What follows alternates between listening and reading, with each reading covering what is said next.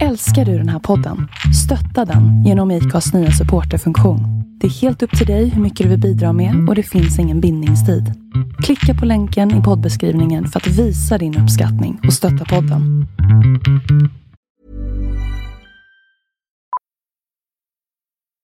Millions of people have lost weight with personalized plans from Noom, like Evan, who can't stand salads and still lost 50 pounds. Salads, generally, for most people, are the easy button, right? For me, that wasn't an option. I never really was a salad guy. That's just not who I am. But Noom worked for me. Get your personalized plan today at Noom.com. Real Noom user compensated to provide their story. In four weeks, the typical Noom user can expect to lose one to two pounds per week. Individual results may vary. You should celebrate yourself every day, but some days you should celebrate with jewelry. Whether you want to commemorate an unforgettable moment or just bring some added sparkle to your collection, Blue Nile can offer you expert guidance and a wide assortment of jewelry of the highest quality at the best price. Go to BlueNile.com today and experience the ease and convenience of shopping Blue Nile, the original online jeweler since 1999. That's BlueNile.com. BlueNile.com. Millions of people have lost weight with personalized plans from Noom, like Evan, who can't stand salads and still lost 50 pounds. Salads, generally, for most people, are the easy button, right? For me, that wasn't an option. I never really was a salad guy. That's just not who I am. But Noom worked for me. Get your personalized plan today at Noom.com. Real Noom user compensated to provide their story. In four weeks, the typical Noom user can expect to lose one to two pounds per week. Individual results may vary. Hej och välkomna ska ni vara till ett nytt avsnitt utav Sveriges mest tongivande podcast Två låtar och en kändis. I detta avsnitt så hör ni en utav Sveriges mest framstående kockar som driver ett flertal berömda restauranger runt om i Stockholm, vår huvudstad. Bland annat Milanders fisk, Sjöpaviljongen, Värdshuset Ulla Vinblad och den legendariska Vedholms fisk. Men inte nog med det så har han också den italienska krogen Nostrano på Södermalm för att nämna några. Med sin stora expertis är han också en mycket efterfrågad föreläsare och inspiratör. Han är dessutom författare till Fisk och skaldjursbibeln Fisk den ultimata kokboken om fisk och skaldjur.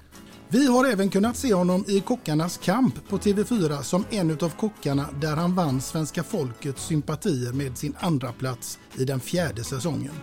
Han har dessutom tillsammans med sin bror fått en Michelinstjärna för den klassiska restaurangen Vedholms fisk och har även vunnit SM i ostronöppning minsann.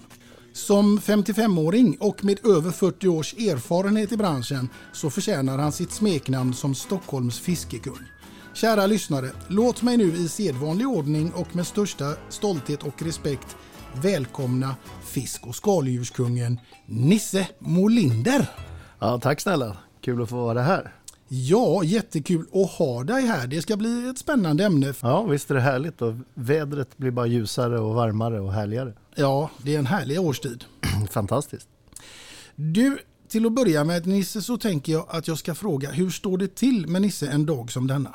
Ja, men det är bra. Jag ser fram emot eh, att få lite ledigt här runt midsommar och framöver. Jag älskar svensk sommar. Jag tycker det är världsklass. Mm. Och sen så vill jag vara ute i skärgården och fiska och umgås med familjen. Så att jag har lite, ser ljust på framtiden just nu. Härligt. Du, Nisse Molinder, född den 1 november 1968 och uppväxt i Stockholm. Ja, precis. Rättare sagt Mälarhöjden strax utanför Stockholm. Så det är väldigt nära. Men det har varit Stockholm för hela slanten och det är jag glad för. Jag älskar Stockholm som stad och, och det är ett bra ställe att växa upp på också. Mm. Kom fisken eh, eller restaurangvärlden in tidigt på något sätt i ditt liv? Ja, det gjorde det ju genom att vår pappa var väldigt matintresserad. Även om han inte var kock så gjorde han allting själv från grunden och jag fick följa med. Och jag har ju sett bilder när jag står så liten så jag måste stå på en pall för att nå upp och vispa i såsen och så.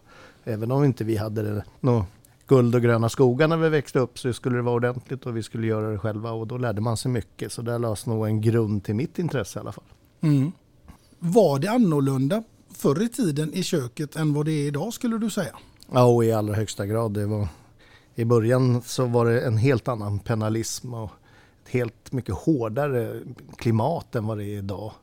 Och det tycker jag är ett fantastiskt steg i rätt riktning att man inte behöver att stå lite grann som man ser den här Gordon Ramsay står och spottar på, på folk nästan när han är så arg så han skriker. Så måste man prata och diskutera och bilda team och så idag och det får ut väldigt mycket mer tycker jag än när jag började. Att det är mycket lättare att hitta, hitta en bra lösning att nå målet. Mm. Jag tänker även hos gemene man, alltså i folkhemmet så tänker jag att det är annorlunda i köket idag kontra när vi var små och växte upp. Ja, det är ju en jäkla skillnad och det är framförallt när vi befinner oss nu på Östermalm. När de bygger ju alla om köket för 700 000 så går man ut på krogen och käkar istället. Så det har ju hänt mycket med, med både utrustning och folks medvetenhet på gott och ont. Men vi som driver krog, vi älskar ju att folk är ute. Mm. Folk köper mer och mer färdig mat idag med andra ord. Ja, det är en jäkla skillnad. Det är bara att när man börjar som liten pöjke i Östermalmshallen här, då, då, fick man ju stå och handrensa strömming och fjälla abborre och så. Och idag är det nästan som att jobba på ett konditori. Det ska vara små färdiga snittar och det, allt är fabricerat. Och att folk har ju mycket, mycket mer pengar och mycket mindre tid och det, det är ju där vi får skära emellan på något sätt. Så det har ju hänt en, en utveckling åt det hållet eh, överlag. Mm. Hur gammal var du när du började jobba här på Östermalmshallen? 13 år. Herregud, gick man inte i skolan då? Jo, men eh, man får ju se lite med, mellan fingrarna på det där för att jag älskade ju att få jobba med råvaror och de här fantastiska fiskarna som kom in och, och, så hade man ju bara gymnastik på fredagarna så då kunde man ju smita iväg och, och var man och jobba fredag, lördag istället. Så, så gick man i skolan samtidigt. Men det ledde ju också till att man, man tog ingen fil. kand utan man, man började jobba väldigt tidigt. Mm. Ja, det gjorde ni både du och din bror. Ja. Och det tog heller inte lång tid innan ni hade förvärvat er första restaurang? Nej, det, jag vill minnas så var det väl 1988, 89 som den första restaurangförsöket och då hade vi precis öppnat en, en fiskaffär i Östermalmshallen och då gjorde vi en, med en knuff med ett ställe på Grev Turgatan som hette Melanders bakficka och det var starten på en era. Sen gick det då ganska tätt mellan restaurangöppningarna där på framförallt 90-talet och då brukade andra erkända kockar som Mannerström till exempel. Hur många krogar har du? Ja, har du öppnat något nytt? Nej, inte sen i morse ska jag alltid och han tyckte det var så roligt att det var bra flow då. Men, men var sak har sin tid. Nu är det mer att man får ta hand om det man har och, och försöka bygga upp det till något ännu bättre. Mm. Du, vi ska återkomma till detta och karriären som har varit här genom åren. Men jag tänker att den här podden den handlar ju förutom din karriär också om musik eh, som ämne. Och det tänker jag att liksom fisk är ett annat ämne som egentligen berör oss alla på ett eller annat sätt. Ja, i allra högsta grad så ligger allt, eller mycket, om man tänker som gastronomi eller att jobba med mat och råvaror, så det är väldigt nära att vara konstnär eller musikant eller, eller skapa någonting. Och teater och allting. Så det, det, finns, det finns en röd tråd som binder ihop det tycker jag absolut. Mm. Vad betyder musiken för dig rent allmänt i livet? Jo men ganska mycket. Jag är, är ju inte så att jag har spelat så många instrument eh, själv. Men jag älskar att lyssna på musik. Mm. Och det får mig att komma till en fråga som lyder. Vad är egentligen ditt absolut allra, allra första minne till musik som du kan härleda till från en sån där tidig ålder? Ja, eftersom det är ganska lätt eftersom jag hade, hade en pappa som var musiker. Så på den tiden så åkte man upp och så spelade han med sitt band i källaren på hotellet och så bodde vi ju gratis där en vecka. Och då fanns det någonting som hette Gästernas afton. Och då var det jag och en, en, en tjej som hette Sofia, hette då Sofia Olsson, som vi var uppe och sjöng Vita duvan. Och den lilla vita duvan var utan hem för en lång, lång tid. Följde alla vindar som sjöng om frihet och om en evig fred. Och den lilla vita duvan hon mötte duvor från samma. På gästernas afton och det, jag tror att vi var fem, sex år gamla men jag minns det med lite fasa än idag för jag tyckte jag hördes för lite så jag tryckte upp micken så hon hördes ju ingenting alls istället. Men Men eh, i den åldern så är det lätt att göra succé bara man vågar. Ja, gäller inte det lite som vuxen också? Jo, i allra högsta grad. Ja, jag tycker det. Du, eh, då tänker jag också att vi ska komma till åter tillbaks till musiken och barndomen eller åtminstone tonåren kanske. För nu undrar jag, vilken var den där absolut första plattan som du kom att köpa för egna pengar? För plattan får man ju lov att säga när man är i våran ålder. Ja, det tycker jag absolut man får göra. Men den som slår mig direkt så är det ju Magnus Uggla, Vår tid nu 1977.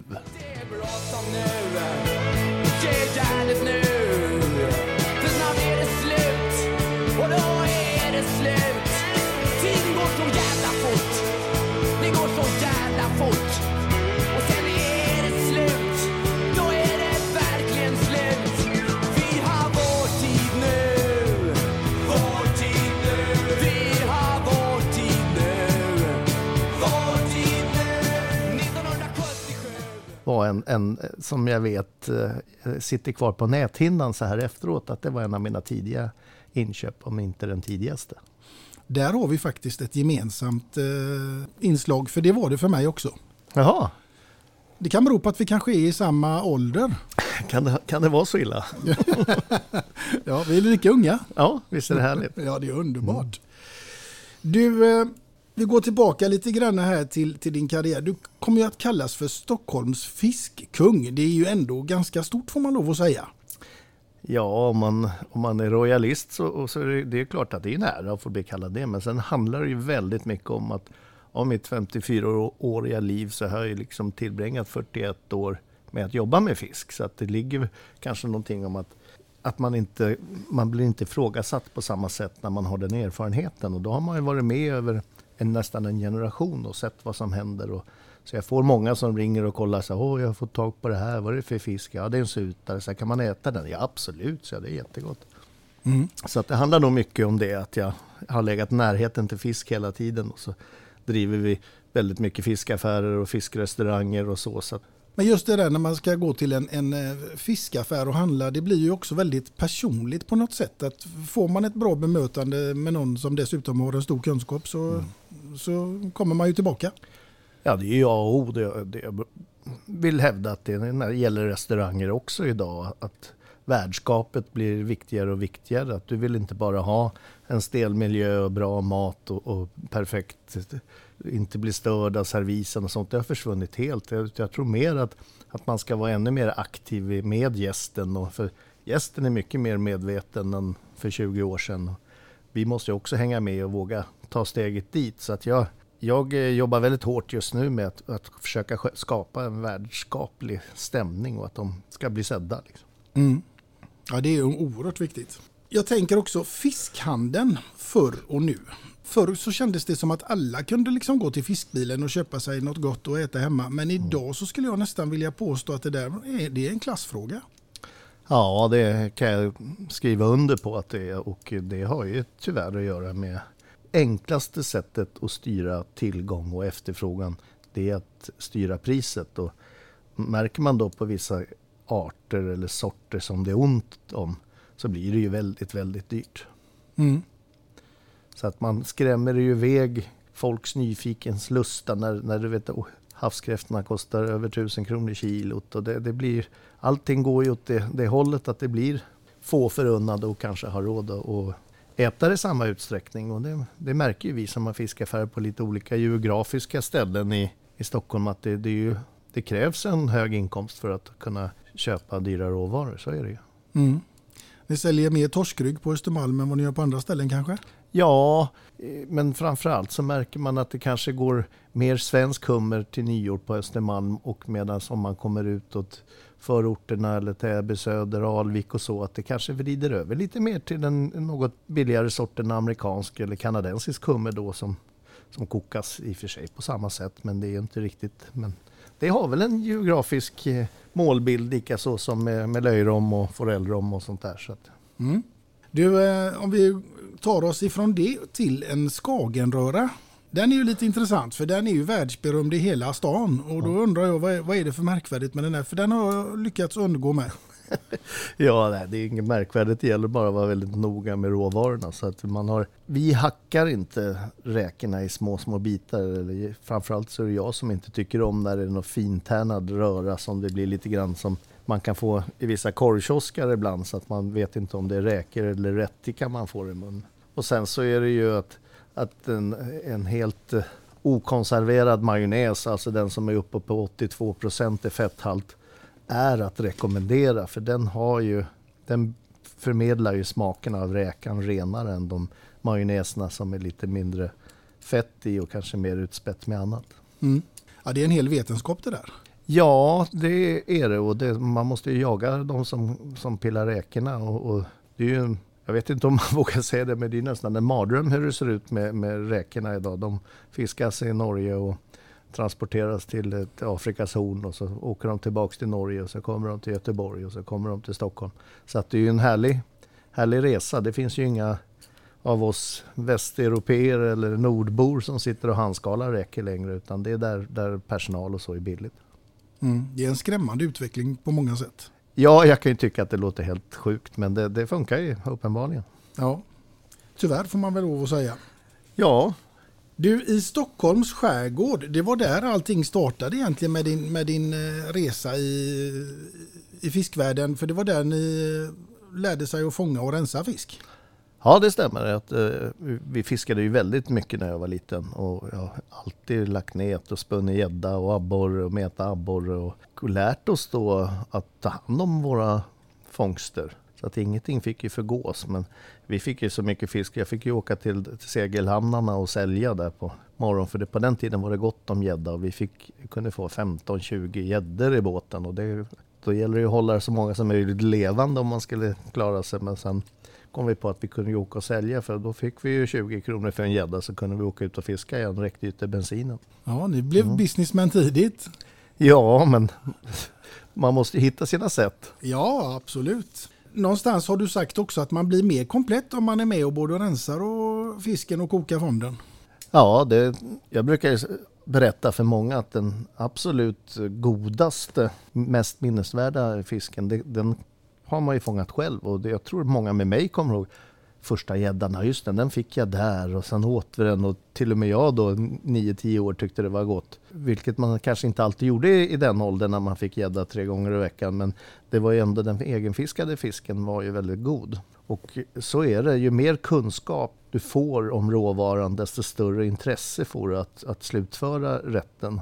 Och gädda, om vi nu är inne på det, är ju en fantastisk matfisk men det är inte så många som vågar hantera och ta hand om. Nej, det är också en kunskap eh, i sig att kunna hantera allt det där. Ja, så är det. Vissa grejer håller på att försvinna men det får vi kämpa på att det ska få leva vidare ett tag till. Mm. Är du ute och fiskar någonting idag? Ja, men nu är jag lite mer bekväm så att det blir ganska mycket nät och, och, och så. så att Sist så la jag lite, lite sköte och fick vi strömming ute i Stockholms skärgård på Husarö där jag håller till. Och nu så när vi kommer ut så ska vi börja kolla om abborren har släppt rommen för vi vill inte lägga ner eh, och fiska upp abborre som har fullt med rom i sig. Vi tycker de kan få släppa den först innan, innan de blir uppfiskade. Låter klokt. Ja, om vi vill ha abborre nästa år igen så ska man nog tänka lite så. Ja, för så gjorde man inte riktigt med torsken. Nej, det gör man inte. Och ska inte jag sitta och gnälla, men tyvärr så har de ju hittat en, en foderaktion där du kan åka och lämna allt möjligt fisk på. Så att, och det, när de har kvar på kvoterna så kan det komma in danska och, och båtar och så in i Östersjön och bara dra rent på sill och strömming och skarpsill och sånt där. Och så åker de och så blir det fodermat till kycklingar i Thailand av det till sist. Men de får så bra betalt för det nu så att det lönar sig. Ja, det är inte heller någon direkt rolig utveckling får jag lov att säga. Nej, men det kommer förhoppningsvis att bli bättre. Ja, det får vi hoppas. Mm. Du, eh, vi ska backa tillbaks bandet här till ämnet musik. För nu tänker jag fråga dig, mm. du ska inte få avslöja låtarna ännu, men du fick ju till uppdrag att välja ut två låtar tills mm. idag. Var det svårt? Ja, både ja och nej. Det, det, det finns ju så mycket att välja på så att det, musik är en otroligt stor skattkista egentligen. Men, men jag har tagit, eh, valt två låtar som dels en som jag hade fördelen av att tillsammans med Christer Svantsson när han var ute på landet så satte vi på den och öppnade en flaska rödvin och så lagade vi mat och eh, Det var första gången jag förstod att vissa matlagare har det där soulen i sig. Att det bara liksom lyssna till musiken, dricka ett glas, njut och, och, bara laga mat. Det är liksom as good as it gets. Mm. Jag tänker på det där i, i köket. Så många, det finns ju många olika kökskulturer naturligtvis. Men en, en, i en del på restauranger och sådär så spelas det ju lite musik i bakgrunden när man sitter och äter. Och, och på andra ställen så ska det vara knäpptyst. Ja, jag är väl egentligen ganska för att, att man kan ha lite musik på i bakgrunden. Framförallt så är det bra stämning i köket, brukar det bli bra mat på tallrikarna. Och så länge alla är med på det och alla får vara med delaktiga med sin musik. Så att, för det, ibland kan det ju skilja någon generation, någon vill lyssna på Lou Reed och någon annan vill lyssna på Sara Larsson. Och då kan det krocka lite, så man måste blanda och ge så att alla får vara med. Mm. Ja, jag skulle inte kunna tänka mig eh, att stå i köket och laga mat till någon modern rapmusik. Det, då hade det blivit, ja, det blir kass mat på tallriken i vilket fall, men... ja, när man möjligtvis poppar popcorn. ja, möjligtvis då. Om det nu kan räknas till matlagning, men det gör det kanske. Du, du är också författare till Skaldjurens psalmbok. Den får du berätta lite om. Ja, jag fick eh, förfrågan av ett, ett, ett bokförläggare som heter Anders som, som har, har gjort väldigt mycket matböcker genom åren. Och då kom han och sa, ja, jag har hört att du kan visst en herrans massa om fisk och skaldjur. Ja, det kanske stämmer, så jag, jag har i alla fall jobbat med det väldigt länge. Och då började vi och då sa jag att då vill vi göra liksom en, en sån här statement, den som ska vara för de som kunna luta sig på som ska gå och handla fisk eller hur man ska förvara eller som jag ser i restaurangkök, vilka, vilka fisk, fiskar blir godast fond om du ska koka sås. Jag drar alltså ett steg till, lite djupare kunskap än vad som sprids på restaurangskolorna idag. Och det finns tabeller när vissa fiskar är bäst och hur mycket salt man har i skaldjuren och så. För att det ska vara ett stöd mer eh, än så mycket. Så recepten är så pass enkla så att man behöver inte vara utbildad för att laga dem. Men du som är utbildad och gillar att laga tycker om att få det där enkla stödet ifrån den ytterligare kunskapen. Mm.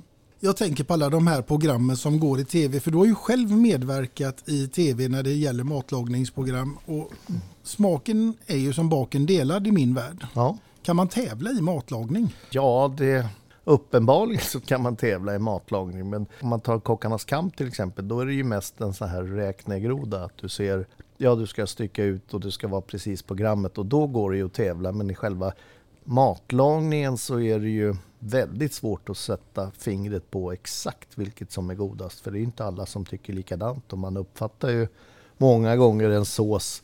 Ja men jag kan ju sitta med någon jury, då säger de så här, ja den här är för mycket socker i. Jag, bara, jag vet ju att det inte är något socker i såsen men då uppfattas det som sött. Och det är lite sådär att det, det är inte precis lika för alla. Och det, därav så säger man att smaken är som baken delad. Liksom. Mm. Så jag tycker att man kan absolut tävla i det, men man får ta det med att ja, men det är som vilket vin som helst eller maträtt. att Alla uppfattar inte det likadant. Det kan vara gott ändå fast det inte smakar grönt staket om vinet utan man kanske uppfattar något annat. Mm. Du tog ju dig långt i programmet eh, Kockarnas kamp. Ja, det gjorde jag. Jag fick vara med i alla åtta programmen och det var ju bra det för man fick betalt i hur många program man, var med i. Ja, men finalen där var ju ganska tuff. Ja, det var tufft. Framförallt så, så hade vi en fantastisk avslutningskväll. Jag och de härliga filmteamet som, som ändå var ett glatt gäng sista kvällen och då, då när man som social fiskhandlare har svårt att säga jag går och lägger mig för att jag ska vara med och tävla imorgon. Men jag tänkte äh, det brukar gå bra ändå. Men det gjorde det ju inte. ja, det gick väl hyfsat bra ändå, det får man lov att säga. Ja, det vet jag inte.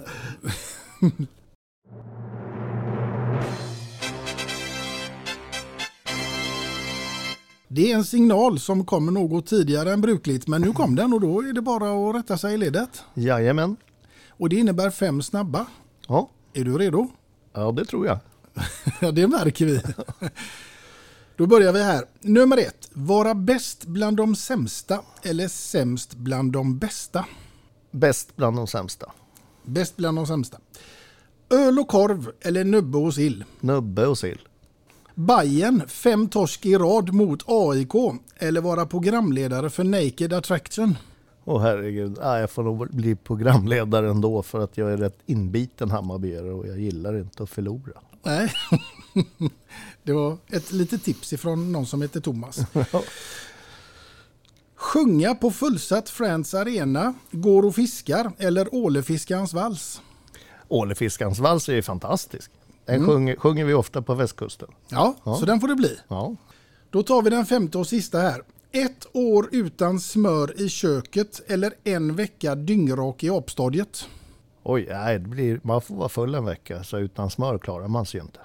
Nej, nej. det är så? Ja, absolut. Herregud. Smör måste man ha i köket. Ja, men tänk dig en, en abborre. Ska du steka den i olivolja? Nej, det ska man inte göra. Du ska steka den i ett härligt, riktigt svenskt smör och så ska du bara servera lite så här nybrynt så du fräser uppe på och så lite färsk potatis. Och, och du behöver inte ha något mer. Det är ju... Nej. Du, eh, nu är det så här, förstår du, att vi börjar faktiskt närma oss ditt första låtval. Men innan vi gör det så ska vi ta en annan klurig fråga här. Och det är så här att du ska ha en middagsgäst och det får vara vem som helst, död eller levande, det har ingen som helst betydelse. Jag vill veta vem gästen hade varit, vad du hade bjudit den här gästen på och vilken låt som hade fått ligga där i bakgrunden till den här fantastiska middagen.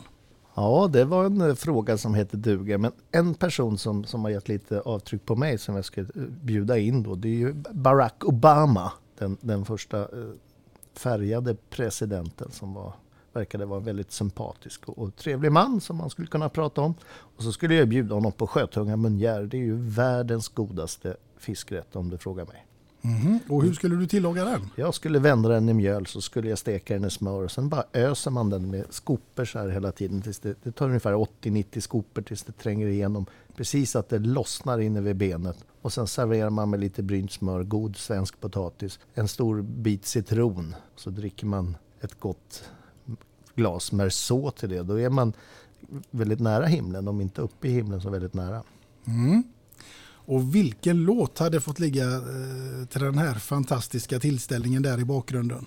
Jag hade nog haft på lite Stan Getz i bakgrunden. Det tror jag Barack hade gillat. Mm. Ja. Girl from Ipanema. And tan and young and lovely The girl from Ipanema goes walking And Each one she passes goes ah.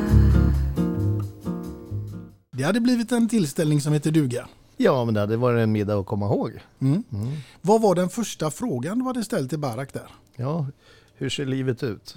Och hur kommer det att se ut om tio år?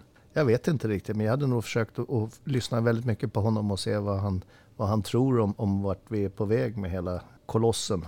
Mm. Ja, det hade varit spännande att få höra det svaret. Ja. Verkligen. Nu däremot, förstår du Nils, så är det dags för dig att få presentera ditt första låtval som jag är extremt nyfiken på vad det skulle kunna vara och med vem och inte minst varför såklart. Ja, mitt första av de två så är det ju, har jag ju en stamgäst på Vedons fisk som heter Nils Langren, denna begåvade trombonist som, som har då tolkat lite discolåtar och han gör det med otroligt skön musikalisk ådra och en nasal röst. Så jag hade velat lyssna på I will survive. Mm. Är det något särskilt minne har till den låten? Nej, utan det är bara en som berör en i, i känslan om man är, vill koppla bort lite och, och komma framåt så kan man sätta på den låten. Då tycker jag vi gör det nu. Ja, tack.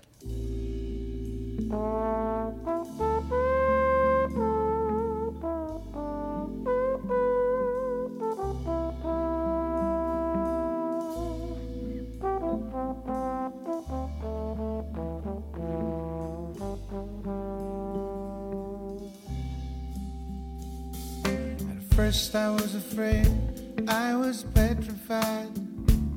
I kept thinking I could never live without you by my side. But then I spent so many nights thinking how you did me wrong. And I grew strong. And I learned how to get along. And so you're back from outer space. Just walked in to find you here with that sad look upon your face. I should have changed that stupid lock. I should have made you leave your key. If I'd known for just one second, you're back to bother me. Go on now, go. Walk out the door and just turn around now. Cause you're not welcome anymore. One who tried to hurt me with goodbye? Did you think I crumbled? Did you think I lay down and die? Oh no, not I. I will survive. Oh, as long as I know how to love, I know I stay alive. I got all my life to live. I got all my love to give, and I'll survive. I will survive. All the strength I had not to fall apart. I kept trying hard to mend the pieces of my broken heart. I spent oh so many nights just feeling sorry for myself. I used to cry, but now I hold my head up high and you see me. Somebody new. I'm not that chained up little person still in love with you. So you felt like dropping in and just expect me to be free. Now I'm saving all my love for someone who's loving me.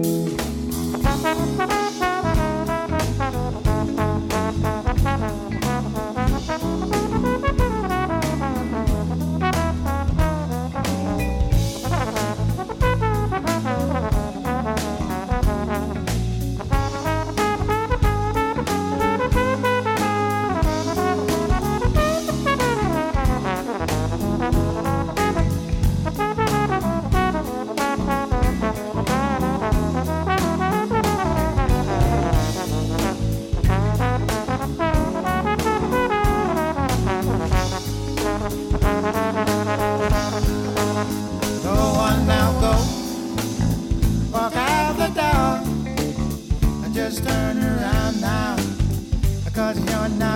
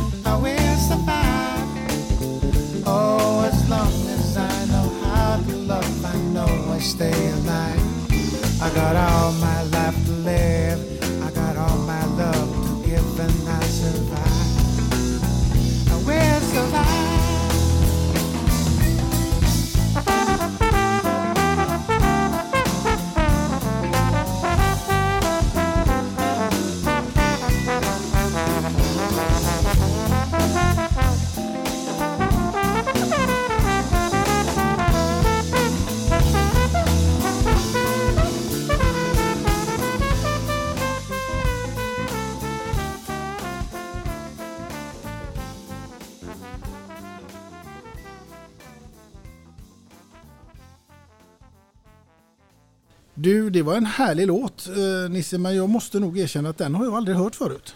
Nej, men eh, visst kan det vara härligt att bli överraskad ibland. Ja, absolut, den får åka in på Spotify-listan. Jag kanske ska göra en sån här som man har i köket. Ja, är inte det en, en, en gastronomic soul? Ja, det kanske hjälper mig att bli lite bättre kock. Ja, det är jag helt övertygad om. Ja, kanske jag kan göra mer än poppa popcorn. Ja, det tror jag. Du, eh, nu är det också så här att jag vill backa tillbaka bandet lite grann till eh, eran karriär och din framförallt. Eh, för du och din bror, ni har ju över 25 företag som ni driver. Ja, jag tror att eh, till och med 28. I alla fall att jag är involverad i 28 olika ställen då, Mm. på ett eller annat sätt.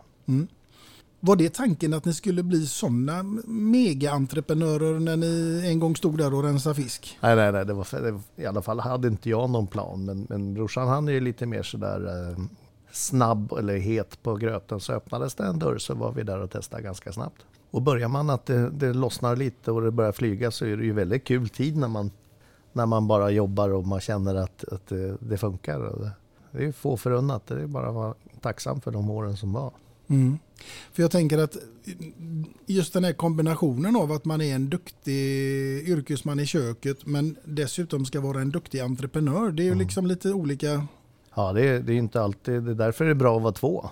Så att man kan göra det man är bra på. Så vi har ju delat upp det lite grann, att, att man har olika kunskaper som ska bidra till att, till att framgången kommer. Mm. Just det där med att, hitta bra personal och liksom att köpa ett ställe som redan finns och fortsätta driva det och sen kanske ska sätta sin egen prägel på det och lyckas och så vidare. Hur tänker man där? Ja, måste jag säga, det är, nästan det svåraste. Det är ju personalen och, och det, det är ju så viktigt att man har bra personal och vi har ju fantastisk personal till 99,9 procent. Men, men ofta de gångerna man blir ledsen, då är det någon sån här personalfråga, att det inte riktigt har stämt eller någon som vill sluta eller någon, någon som inte är nöjd. Och då försöker vi att organisera upp det så, så att det ska finnas möjlighet att föregå så mycket av det som möjligt. Och då krävs det ju en omorganisation och det är ju där vi håller på nu och blir stor koncern och mera seriösa så. Och då, det är klart att det passar inte alla och det blir inte lika charmigt som när man jobbade och hämtade fisken själv och stoppade fingret i luften och sa att nu blåser det sydväst, nu är det lika bra att vi lägger på mer räkor för här ska säljas. Liksom. Mm. Så nu blir det lite mer annorlunda att man får försöka med lite handpåläggning och hitta de här olika teamen. Och jag, det är väl inte helt långt ifrån att vara, vara fotbollstränare egentligen och, och leda ett, ett, köksteam eller en, en butikspersonal eller att man får dem att dra åt både högerbacken och, och högerytten samtalar. Och, och, det gäller att hitta de här små knepen att alla har någonting som de är bra på. Det gäller bara att hitta var, vilken position de ska spela. Så, så kommer man fram och blir ett starkare lag och ett starkt lag, då är det lättare att lyckas. Absolut. Det var väl någon klok som sa vid något tillfälle att ja, det är inte de elva bästa individuella spelarna jag kommer att plocka ut till match, utan det är de elva som funkar bäst ihop. Ja, och det ligger mycket i, det, i den filosofin även när man bygger upp företag, framförallt inom eh, servicesektorn då man, då man är så beroende av att, att alla är på topp för att det ska bli bra. Mm, verkligen. I fotbollsvärlden och så, så köper man ju spelare, man värvar utav varandra och så vidare. Gör man det inom restaurangbranschen också? Liksom att ja, men där borta är en bra kock, han försöker vi plocka över till oss. Ja, det gör man. Men säg inget till någon bara. Nej, men det funkar ju så att, att eh, självfallet eh, så vi, har det till och med hänt att man nästan försöker buda över en bra kock för att man är så övertygad om att med den här eh, idén som vi har så behöver vi den här kunskapen i huset. Och, och, då kan det vara värt så att göra. Men sen så är det ju en, en ganska opolitlig rörelse mellan krogarna i alla fall. Så att jag menar, det, jag kan ju gå på ställen och, och vi har jobbat ihop. Alltså man, det är mycket kortvariga arbetsrelationer som man har fått när man håller på så länge som jag gör. Mm. Ja, du har haft ett, en och annan medarbetare genom åren. ja, herregud. Från början försökte jag hålla reda på alla namn, men det sprack sen. Ja. Mm. Hur många anställda är ni idag? Oj, ja det... Om man räknar in så är det nog 600, om inte ännu mer, 650 kanske.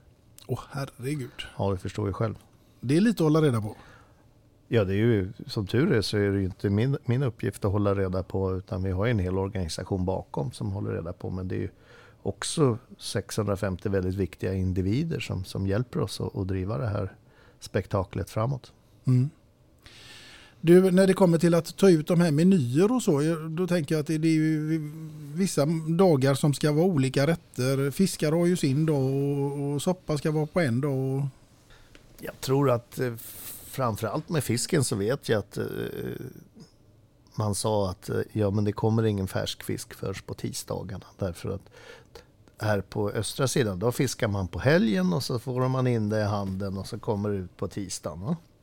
Och, och, men det, var ju, det är ju gamla grejer. Idag så är det ju väldigt mycket som, som dels man har kommit på att det håller mycket längre än vad man tror. Och man isar det så det blir den här nollpunkten så, så händer det inte så mycket. Framförallt inte med plattfiskar. Så att jag skulle tro en del plattfiskar är säkert uppåt två veckor innan den kommer till någon fiskaffär.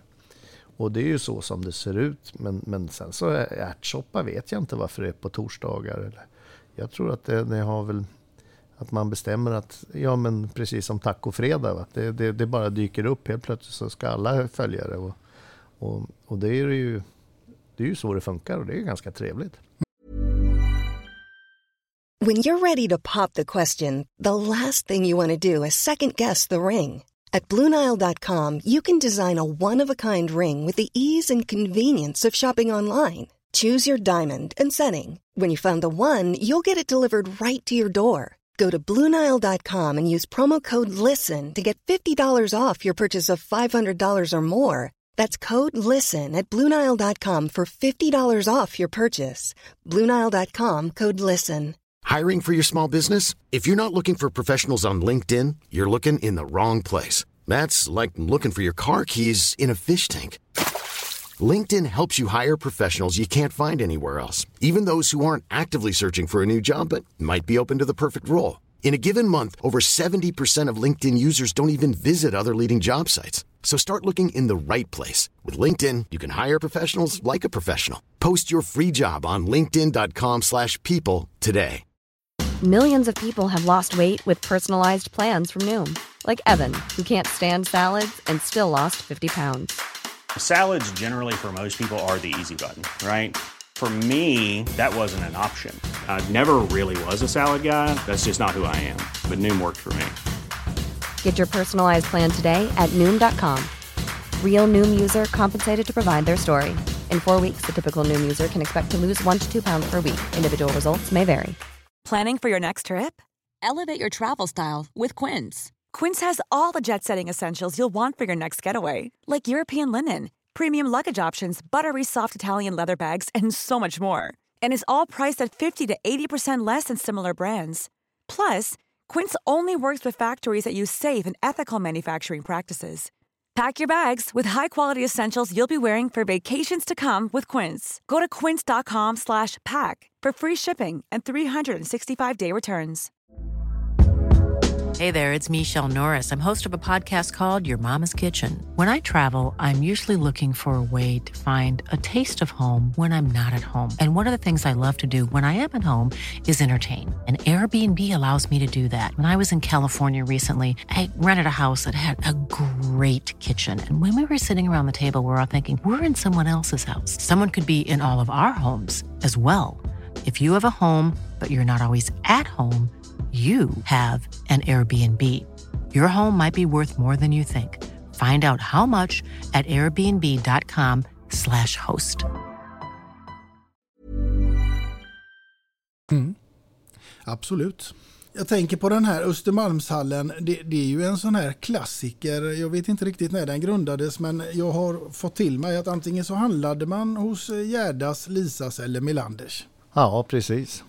Ja, sen, sen 30, 40, 50-talet så har de hetat eh, likadant och, då, och att vi hette Molinder som är så nära Melander, det var ju bara en slump. Så de, I början så sa vi att ja, vi heter, döper om oss till Molinder Melander, på, men det vart bara rörigt.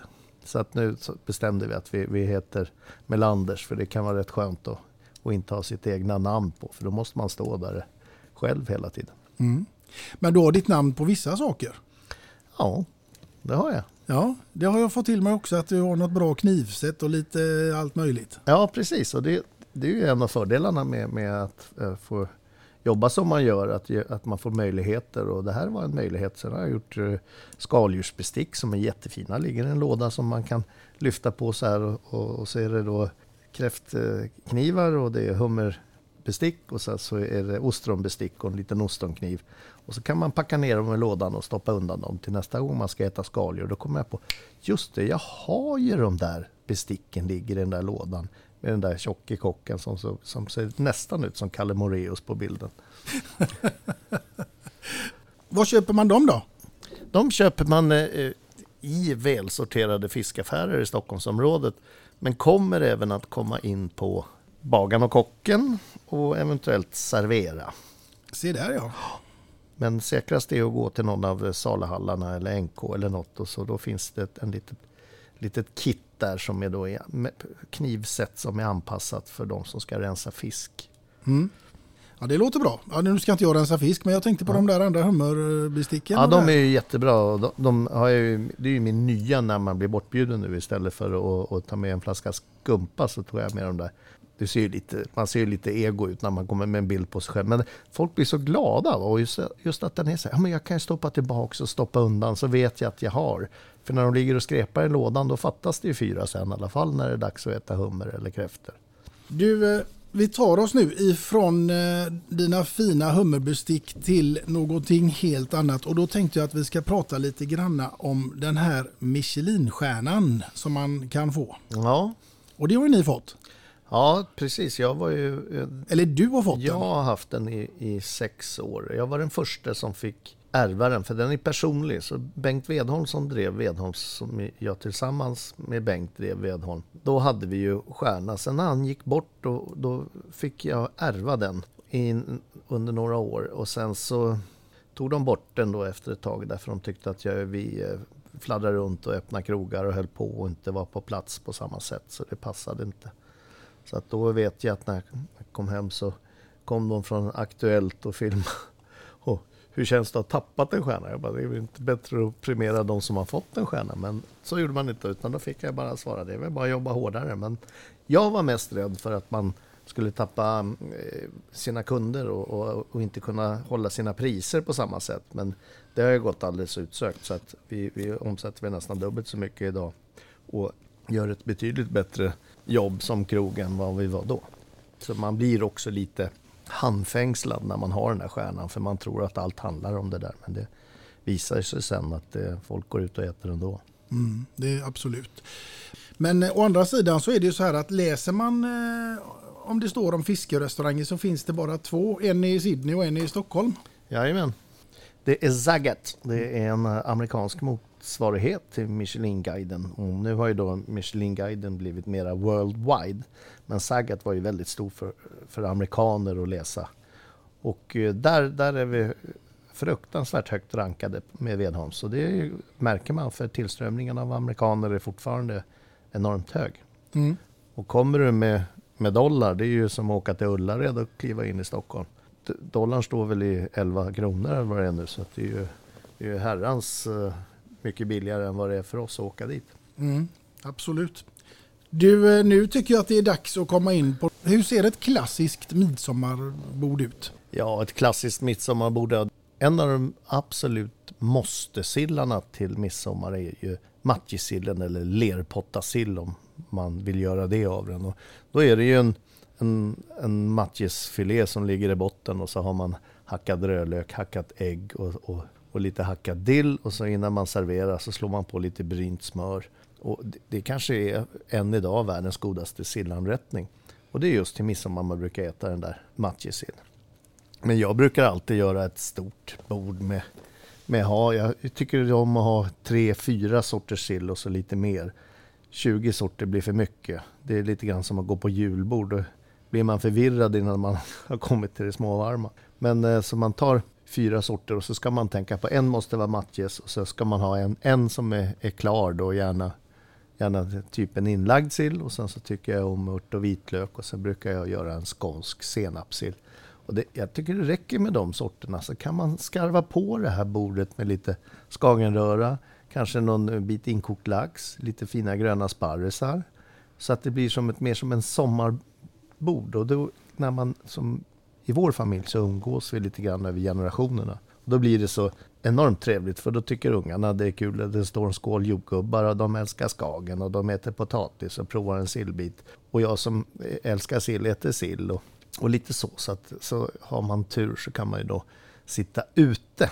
Och det känns ju nästan som att om vädret bara håller i sig temperaturmässigt så kommer det bli en midsommar midsommarfirande med en, en brakig, härlig lunchbuffé med sill och lax. Och jag tar alltid med lite rökt ål, jag tycker det är så gott.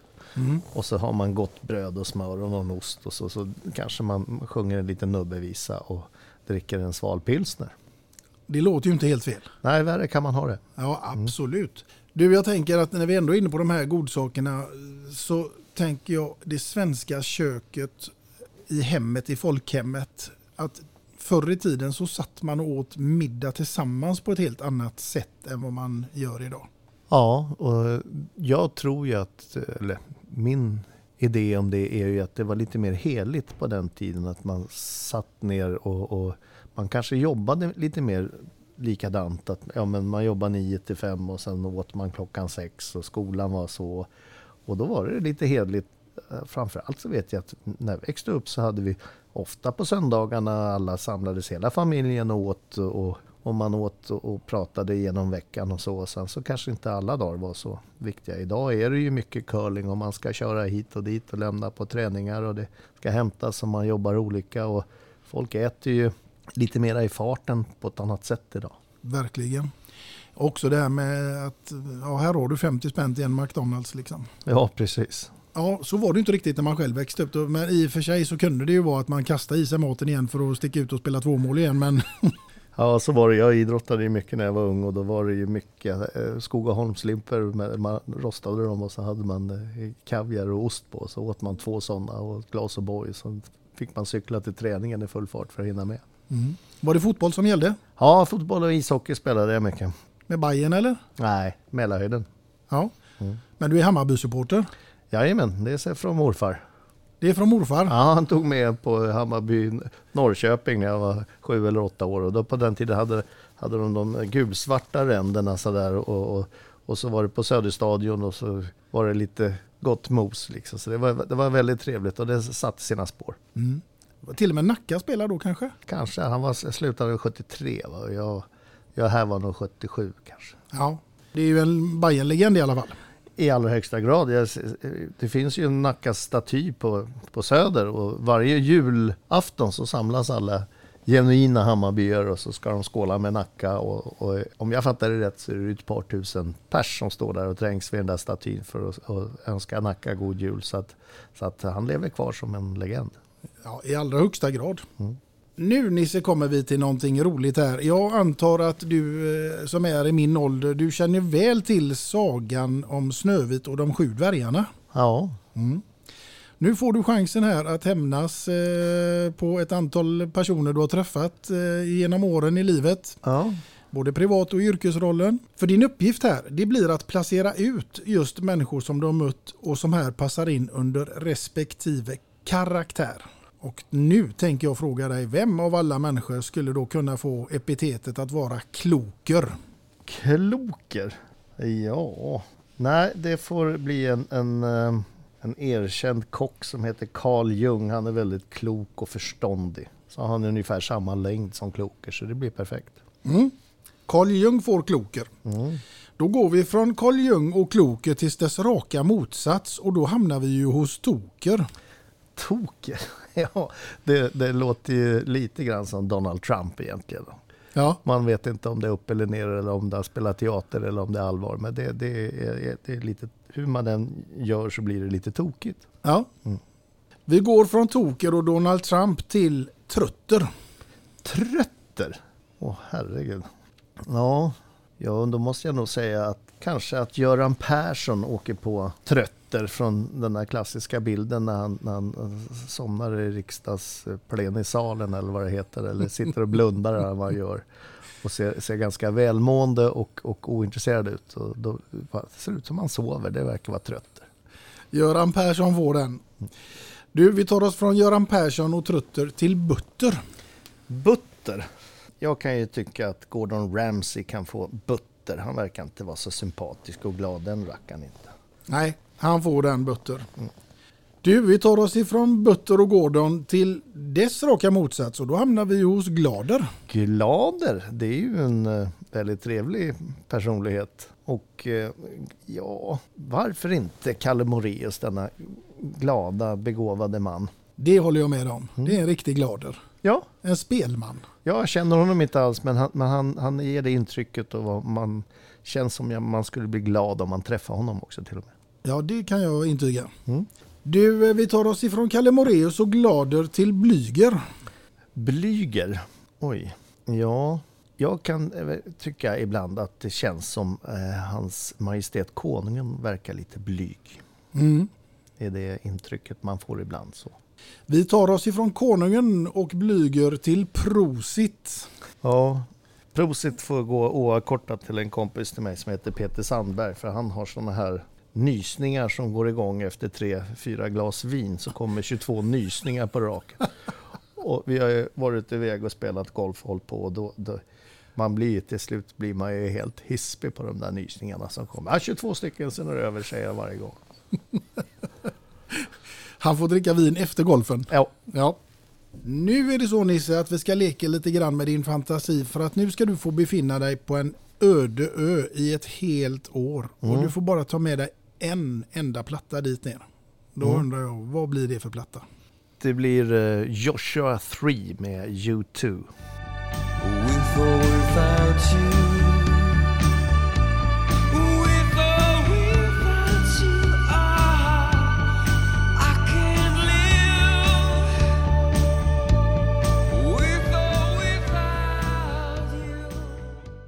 Mhm, spännande. Mm. Då hade du klarat dig på en öde i ett helt år.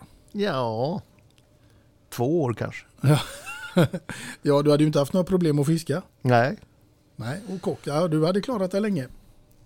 Du, vi tar oss ifrån den här öde ön till ett helt annat scenario. Därför att nu är det så här, tro det eller ej, men du är i final i Let's Dance. Åh herregud. Ja, och nu vill jag veta med vem du hade dansat. Här är det också bara fantasin som sätter gränserna. Och sedan vill jag också veta givetvis till vilken låt detta nu hade fått utspela sig. Jaha, du tänker så. Men jag hade ju hemskt gärna velat dansa med Tina Nordström som är så duktig på att dansa och laga mat.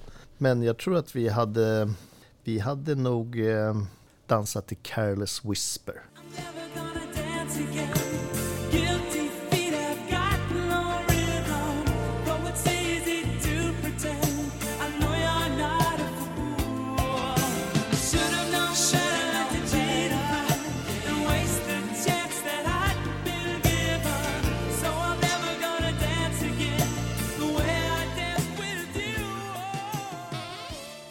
Härligt att få vara nära så länge. Ja, Ja, det var ett intressant val. ja om det ska gå snabbt. Ja. Hon har för övrigt ett jättetrevligt ställe som jag var och spelade in henne på som kallas för Spritan. Eh, Där hon håller till i en slags studio och tillagar alla sina maträtter och spelar in och grejer och håller på. Ja, okej. Ja, men hon är ju aktiv. Ja, en riktigt eh, duktig tjej det också. Ja, måste jag säga. Du, eh, vad är egentligen ditt bästa minne ifrån din långa karriär hittills om vi nu håller oss till ämnet matlagning och, och driva restauranger? Hmm, bästa minne? oj. Jag kan ju, jag vet, jag är inte så mycket för såna utmärkelser och, och de grejerna. Men jag har ju ett, ett minne, jag fick ett, ett handskrivet tackkort när jag gjorde en middag på krogen. Och då hade de lämnat det, ja det ska vara till den där trevliga kocken som var framme och jag hjälpte väl till att servera och, och skoja lite med tjejerna där. Och då fick jag ett långt handskrivet brev med, med en, en, eh, ja, och en flaska vin. Och ja, det gjorde väl inte så mycket mer väsen av det där. Så, så gick, gick jag nu här eh, bara för en tid sedan och eh, öppnade den där flaskan vin. Och då var det en sån här granne som satt med som kunde fota med, med, på vinflaskan. Och då, då, var det, då var vinet så exklusivt så då kostade det 2400 kronor. Och det tycker jag är generöst av en, av en 80-årig dam att och, och, och ge iväg till kocken för han var trevlig. Och det blir sånt här minne som, som hänger sig kvar på något sätt. Gud vad trevligt, ja. Ja, Verkligen. och gott vin var det också. Ja, Ja. ja det får man ju hoppas om det kostar 2 4. Ja, det var tur man inte visste det innan. Man var för snål öppnare antagligen. Ja. Om vi nu tar oss ifrån eh, det här trevliga minnet så eh, blir jag ju naturligtvis nyfiken på vem som eventuellt skulle kunna få skriva låten eller visan om Nisse Molinder. Oj. Ja. Men eh, jag skulle kunna tänka mig så här när man sitter lite trevligt eh, över gränserna mellan Öst östkusten och västkusten att vi skulle låta Håkan Hellström skriva låten om fisk, eh, fiskhandlarkungen från fel sida Sverige. Det tror jag han hade gjort med bravur. Det tror jag också. Vad jag har hört så ska han vara en fantastisk människa. Ja, det kan jag faktiskt också intyga. Ja, Eh, Jag får nästan tipsa honom om det här. ja gör det. Det tror jag hade blivit en riktigt eh, bra hit faktiskt. Du, nu, nu är det så här att nu är det dags för dig att få presentera ditt andra låtval för dagen som mm. jag också är väldigt nyfiken på vad det skulle kunna vara och med vem och inte minst varför. Ja, eh, då är ju mitt, mitt andra låtval för dagen är ju ett, är ett minne som går lite grann i, i gastronomins tecken då, när jag med en av de största svenska matlagarna genom tiderna, Christer Svantesson, var ute på mitt landställe i skärgården och så satte vi på radion och då spelade de den här låten. Och så hällde vi upp lite grann ett gott rött vin och så började vi laga mat. Och det var då vart det, blev det som en uppenbarelse. Det är det här det handlar om. Det är känsla, det är kärlek och man ska tycka om det man gör. Och då blir ju det vi lagar mycket, mycket godare. Så att jag önskade mig då One med U2.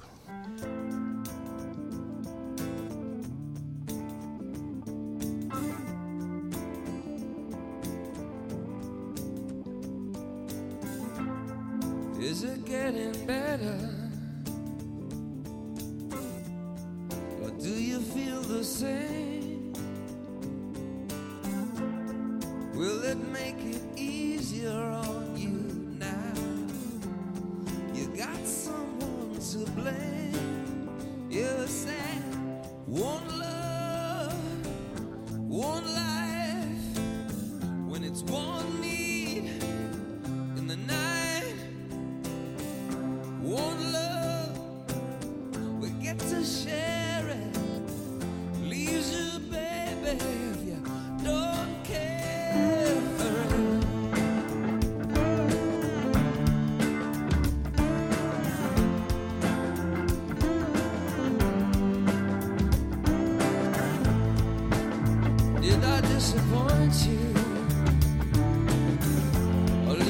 that taste.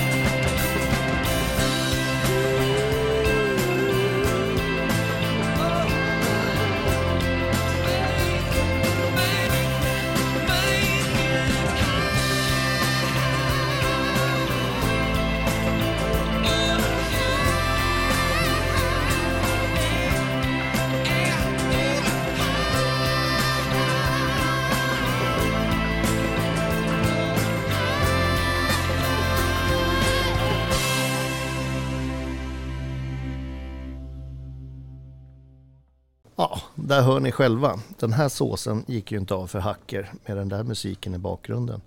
Och vinet var gott det med, men det här är så trevligt att få njuta mat och musik i, i kombination. Och det är nästan lika viktigt som mat och vin i kombination. Mm. Man använder ju mycket eh, vin i matlagning. Ja, det gör man. Väldigt ofta i såser. Alltså det är ju en bra syra. Man kan ju använda vinäger som kommer från vin också egentligen. Men, men, men just vinet när man kokar fisk och så, så är vitt vin överlägset. Och rödvinssås och sådär. Man har ju vin nästan överallt. Mm. Vad, för, vad ska man tänka på då? då? Jag tycker när det gäller fisk att det ska vara torrt. Det man vill hålla sig borta från är så mycket socker som möjligt. För att socker, ju- dels när man kokar ner det så blir det lite, lite, det kan bli lite fel. Och, och jag är väl lite sådär, de som kokar rödvinssås och, och smyger ner massa socker för att det ska bli... Men, men, men, men alla är vi olika. Det går säkert att göra, göra goda såser med socker också. Men frågar du mig så tycker jag man ska ta torra viner och laga mat på. Mm. Där hör ni kära lyssnare, nu tar vi till oss de här goda råden. Du, eh, nu tänker jag så här att du har ju fått välja ut två låtar här idag. Det var ju fantastiskt eh, trevliga val bägge två. Men nu tänker jag att vi ska gå in i ett scenario när du står där hemma och eh, rensar lite fisk eller skär till några filéer. Och radion är på. Ja, Och helt plötsligt så dyker det upp en låt som får dig att bara vilja släppa allt du har i dina händer och gå fram och, och stänga av omedelbart. För det här får ingen mer speltid.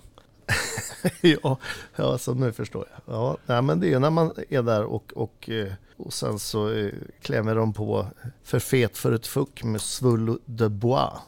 Då känner jag så här, nej nu får det vara nog. Även om det var en fin kille så musiken var bedrövlig. Ja, den åker av helt Ja. enkelt. Ja, det, det köper jag. Ja. Det är inte den man vill ha. Det är inte det man vill njuta livet av. Nej, framförallt inte om man står och håller på att laga mat i köket. Nej, det kan ju, bearnaisen kan ju spricka.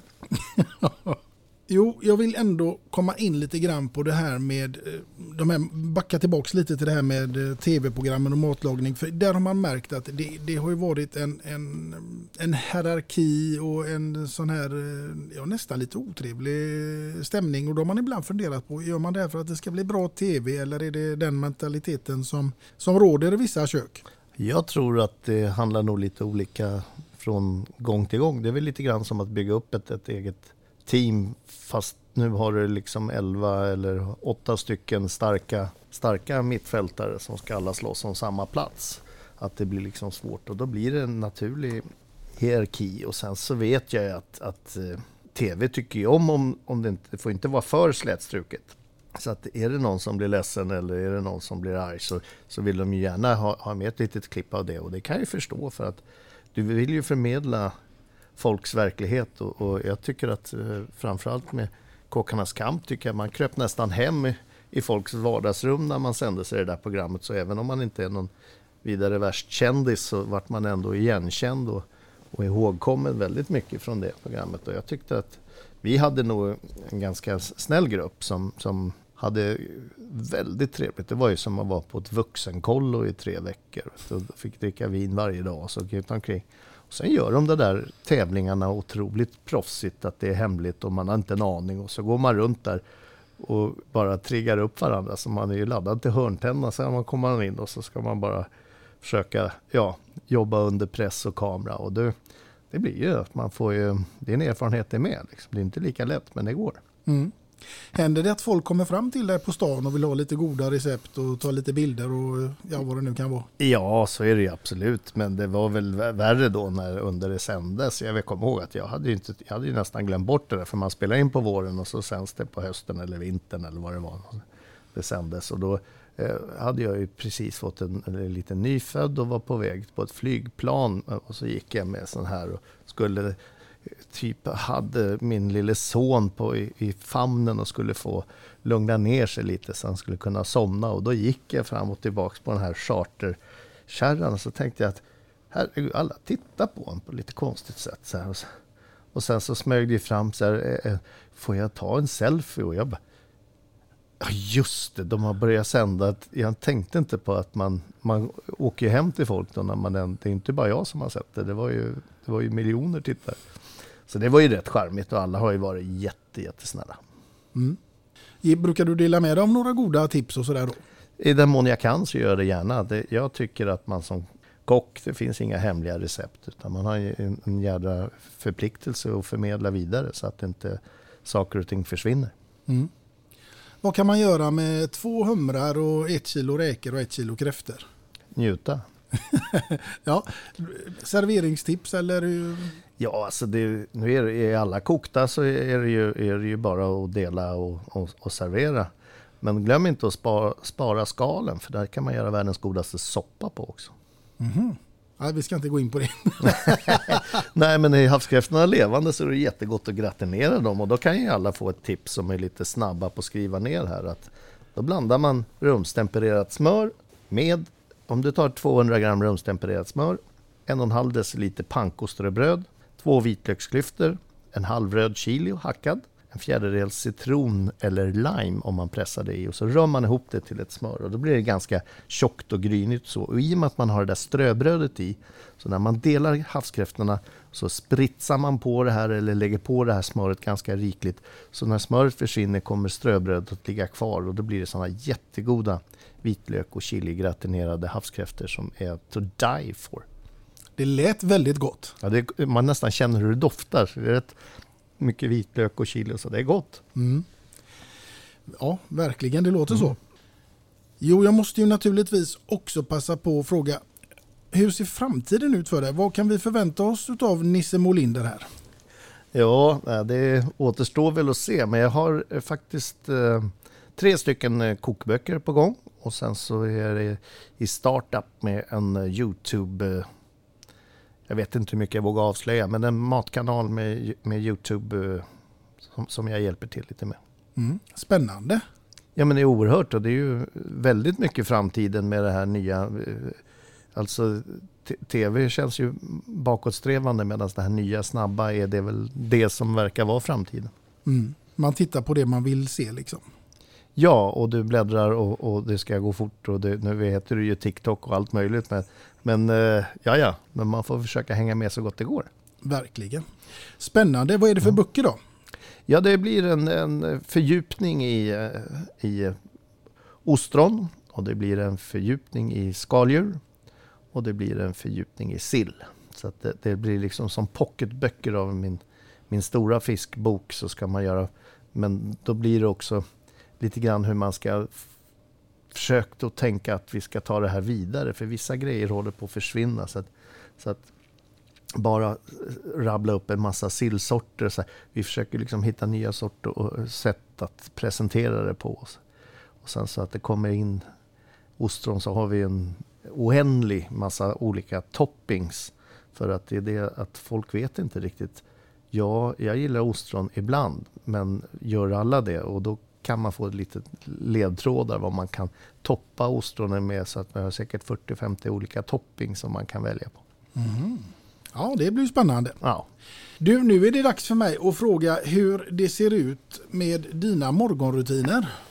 Ja, det är värre än vad man tror. Jag vaknar och så gör jag frukost och så får jag iväg barnen och sen så får jag ta det lite lugnt och sen så åker jag in när trafiken har lagt sig vid nio.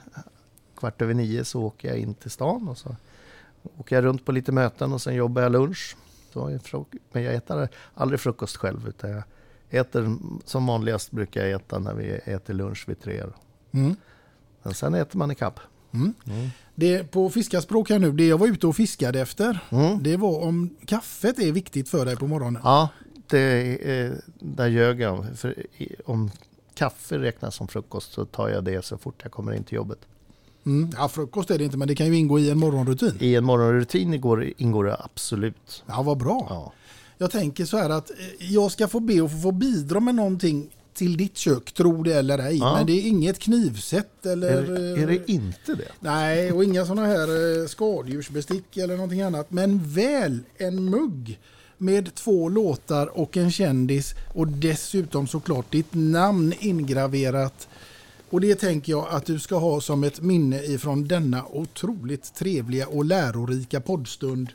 I två låtar och en vad trevligt. Och mitt egna namn står där också. Det här är bra. Det, det bästa är att jag hade en sån här på landet som det stod ett känt eh, fotbollslag från, från söder om Stockholm. Och sen så hade min lille son som också är Hammarbyare ner den där i golvet i somras. Och den stod, var ju också sån här med Nisse Molinder på sig och pappas kopp är sönder. Men nu har jag en ny lika fin. Ja, det är dock inte någonting från söder men väl ifrån eh, västkusten. Ja, väl så bra. Ja. ja. Så den hoppas jag ska fylla dina eh, kafferutiner på morgnarna. Det kommer den att göra. Du, det har varit en stor, stor ära att få ha med dig som gäst här i podden eh, Nisse och jag hoppas verkligen att vi får anledning att träffas och ses mer gånger. Det hoppas jag verkligen. Det här var ju supertrevligt och, var, och ju, du är ju duktig. Det är ju kul med frågor som en, inte bara handlar om, om tråkiga saker. Nej, det är helt sant. Och på tal om det här med att inte det är tråkiga saker. Vi, vi, ska nog avsluta det här med faktiskt att vad är ditt bästa tips till alla lyssnare för att hitta glädje och våga i köket? Ja, vi har väl nästan varit inne på det. Att, att försöka hitta din egna aura när det gäller, alltså ta hjälp av lite musik och gärna ett glas vin. Men se till att det är kul att laga mat för det är då det smakar bra. Se det inte som en belastning utan se, se allt, alla möjligheter och tillgången med bra råvaror. Så kommer du bara på det, du som lyssnar, så kommer du bli mer nyfiken och lära dig ännu mer. Och så kommer det bli ännu bättre mat. Det ska jag ta till mig om inte annat och det hoppas jag att ni gör också, kära lyssnare. Och med det sagt så hoppas jag ju självklart att ni finns med mig i nästa avsnitt och vem som då sitter framför mig det återstår ännu att se. Men tills dess så får ni ha det så gott där ute allihopa. Hej då! Hej då!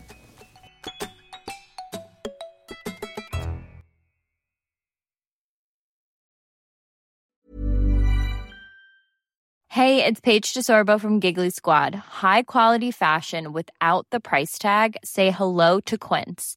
I'm snagging high-end essentials like cozy cashmere sweaters, sleek leather jackets, fine jewelry, and so much more. With Quince being 50 to 80% less than similar brands. And they partner with factories that prioritize safe, ethical, and responsible manufacturing. I love that. Luxury quality within reach. Go to quince.com slash style to get free shipping and 365 day returns on your next order. Quince.com slash style. Hey, it's Paige DeSorbo from Giggly Squad. High quality fashion without the price tag. Say hello to Quince. I'm snagging high-end essentials like cozy cashmere sweaters, sleek leather jackets, fine jewelry, and so much more. With Quince being 50 to 80% less than similar brands. And they partner with factories that prioritize safe, ethical, and responsible manufacturing. I love that. Luxury quality within reach. Go to quince.com slash style to get free shipping and 365-day returns on your next order. quince.com slash style. Save big money and transform your home with new appliances now at Menards. We offer the lowest prices and the largest in stock appliance selection. Ready to take home today. Check out top appliance brands, including KitchenAid, Maytag, Whirlpool, Amana, and Criterion. Upgrade your home and save big money on new appliances at Menards. Shop our entire selection of appliance options online today at menards.com. Save big money at